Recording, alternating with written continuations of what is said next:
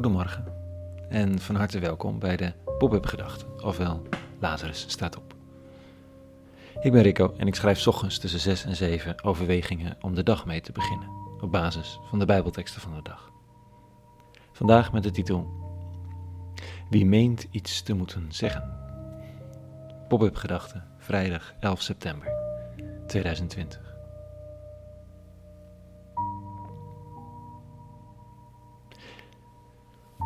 Het nieuws barst van de meningen. Facebook doet dat, Twitter. We zijn allemaal nieuwsmakers en opinieleiders geworden in onze eigen kleine bubbel. Honderd jaar geleden was dat maar voor heel weinigen weggelegd.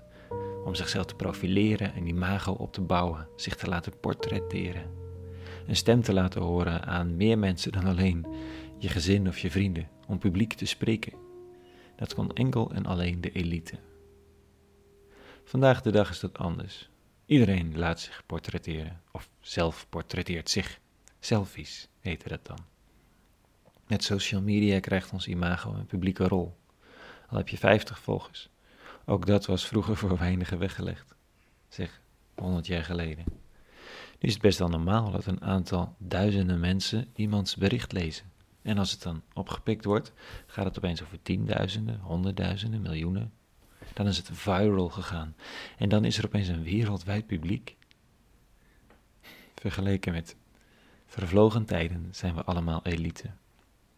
En elite betekent niet per se dat je elitair doet. Hè? Elite betekent dat je leiding geeft. Bij voorkeur op dienstbare manier je druk maakt om samenleving, gezamenlijk belang. En daar zit hem de kneep, want als je met social media zo eenvoudig zo'n groot bereik hebt, wat doe je dan met die invloed? Neem je, die, wat, neem je die plek? Wat stop je erin? Wat haal je eruit? En het allerbelangrijkste is, hoe word je wijs? De leerlingen van Jezus waren vissers. Ze hadden geen enkel bereik. Zelfportretten bestonden nog niet. Voor hen was er geen ander podium dan de vissersboot, de vissen, het water en de vader die instructies geeft. Misschien nog een paar vrienden. Jezus bereidt hen voor op hun invloed en zegt: Kan soms de ene blinde de andere leiden?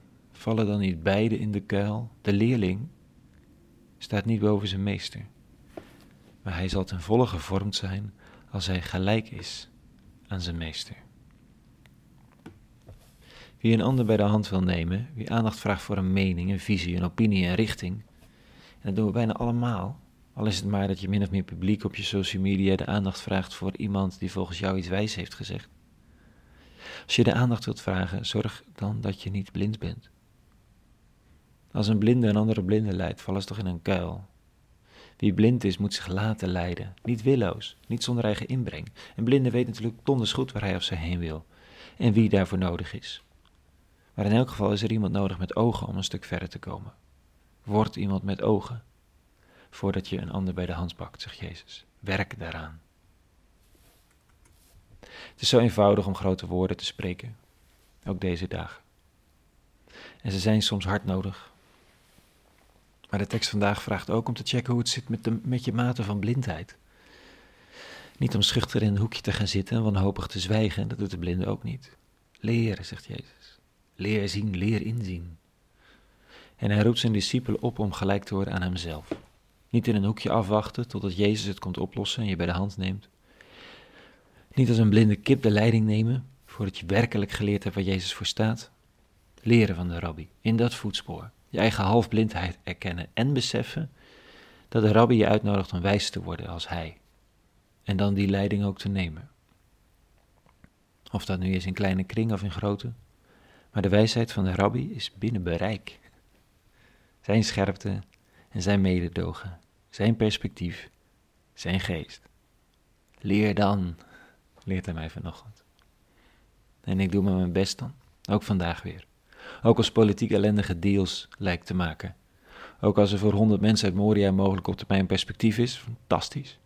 Maar dit ten koste gaat van 100 van de meest kwetsbaren uit vluchtelingenkampen buiten Europa. Er zijn de feiten, er zijn meningen en er is wijsheid, inzicht. Ik bid om inzicht en de kracht van de blinde, die niet bij de pakken neer is gaan zitten, maar is gaan leren zien. Ook al is dat soms met vingertoppen en blinde geleidehonden.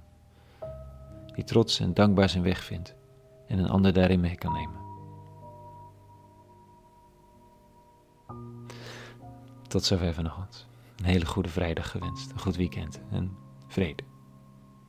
En alle goeds.